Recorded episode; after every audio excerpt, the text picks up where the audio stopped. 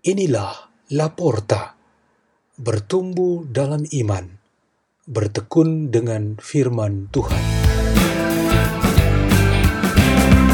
Bersama saya, Suster Yuliana Margarita OSU dari Komunitas Ursulin Surabaya, Keuskupan Surabaya.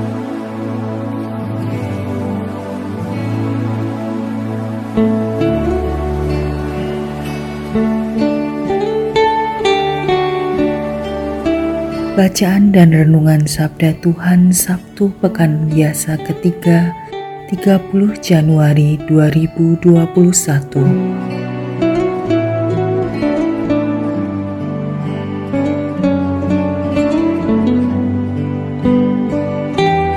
Inilah Injil Tuhan kita Yesus Kristus menurut Markus. Pada suatu hari, ketika hari sudah petang, Yesus berkata kepada murid-muridnya, "Marilah kita bertolak ke seberang." Mereka meninggalkan orang banyak yang ada di sana, lalu bertolak dan membawa Yesus dalam perahu itu, di mana Ia telah duduk, dan perahu-perahu lain pun menyertai Dia.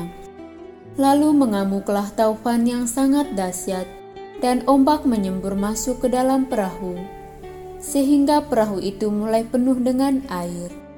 Pada waktu itu, Yesus sedang tidur di buritan di sebuah tilam. Maka murid-murid membangunkan Yesus dan berkata kepadanya, "Guru, engkau tidak peduli kalau kita binasa?" Yesus pun bangun menghardik angin itu dan berkata kepada danau, "Diam, tenanglah." Lalu angin itu reda dan danau pun menjadi teduh sekali. Lalu Yesus berkata kepada murid-muridnya, "Mengapa kamu begitu takut? Mengapa kamu tidak percaya?" Mereka menjadi sangat takut dan berkata seorang kepada yang lain, "Siapakah gerangan orang ini? Angin dan danau pun taat kepadanya." Demikianlah Injil Tuhan.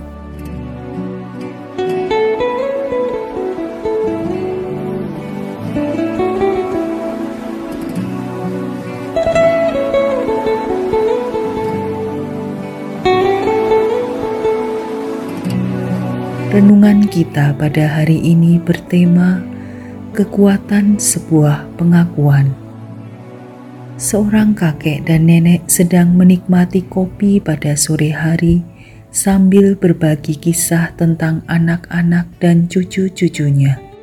Mereka semua hidup mandiri dan menikmati hidup yang layak. Kakek berkata kepada nenek, pada waktu memilihmu dan saat kita menikah dulu, saya miskin sekali. Saya anak yatim piatu dan tidak memiliki siapa-siapa dan apa-apa. Nenek juga menanggapi dengan berkata, "Saya wanita yang tidak menarik. Hampir semua lelaki di kampung tidak tertarik padaku, tapi kenyataannya kita bisa jodoh." Menikah, dan memiliki keluarga besar. Jika Anda mengajukan pertanyaan kepada kedua orang tua itu, alasan pokok yang membuat mereka jodoh dan sampai mengantar mereka kepada perkawinan, sudah pasti jawabannya ialah cinta. Surat kepada orang Ibrani yang menjadi bacaan pertama hari ini menambah jawabannya yaitu karena iman. Cinta dan iman adalah dua kekuatan yang mempersatukan kita, entah itu perkawinan, entah itu suatu persekutuan lain di dalam hidup kita.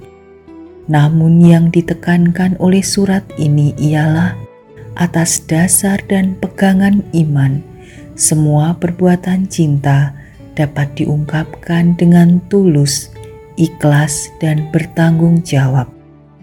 Abraham adalah profil seorang beriman yang sangat kuat, dan kita semua tahu bahwa semua perbuatannya dalam mencintai Tuhan Allah dan mencintai orang lain yang berada di sekelilingnya bersumber pada imannya itu. Abraham sesungguhnya mengajarkan kita bahwa iman adalah pokok hidup kita dan cinta adalah buah-buah kehidupan itu. Pengakuan iman adalah mutlak bagi setiap orang beriman. Mencintai adalah kewajiban setiap orang beriman. Menurut Injil pada hari ini, bahkan yang membuat pengakuan iman ialah danau yang ganas yang dikuasai setan. Kalau setan saja mengakui Tuhan, apalagi kita yang beriman. Pada peristiwa redanya angin ribut, pengakuan kejahatan atau lebih tepat kekuatan jahat yang diwakili oleh angin dan gelombang ternyata datang lebih dahulu. Sedangkan pengakuan para murid bahwa Yesus adalah Tuhan yang menghentikan kekuatan jahat tersebut justru datang kemudian. Mengapa? Karena setan dan roh jahat lebih takut akan Tuhan. Mereka tak ingin disiksa dan dihabiskan oleh Tuhan. Mereka sudah setan, tidak mau disiksa menjadi lebih setan lagi. Siapakah di antara kita senang dan mau kalau dianggap setan, sedangkan kita manusia masih berpikir-pikir untuk mengakui kepada Tuhan, apalagi mengakui dosa-dosa kita. Mungkin kita terlalu menunggu tanda-tanda besar baru bisa mengakuinya. Jangan-jangan kita sudah tidak lagi takut akan Tuhan, sehingga Ia murka terhadap kita kalau manusia susah untuk mengakui diri dengan benar dan jujur, bukankah ia tinggal menunggu siksaan supaya menjadi setan demi menjadi takut akan Tuhan? Semoga tidak terjadi demikian. Marilah kita berdoa dalam nama Bapa dan Putra dan Roh Kudus. Amin. Ya Allah Maha Kuasa, buatlah kami menjadi pribadi-pribadi yang takut akan Dikau secara benar, supaya kami juga dapat mengakui Engkau dengan benar. Salam Maria, penuh rahmat Tuhan sertamu.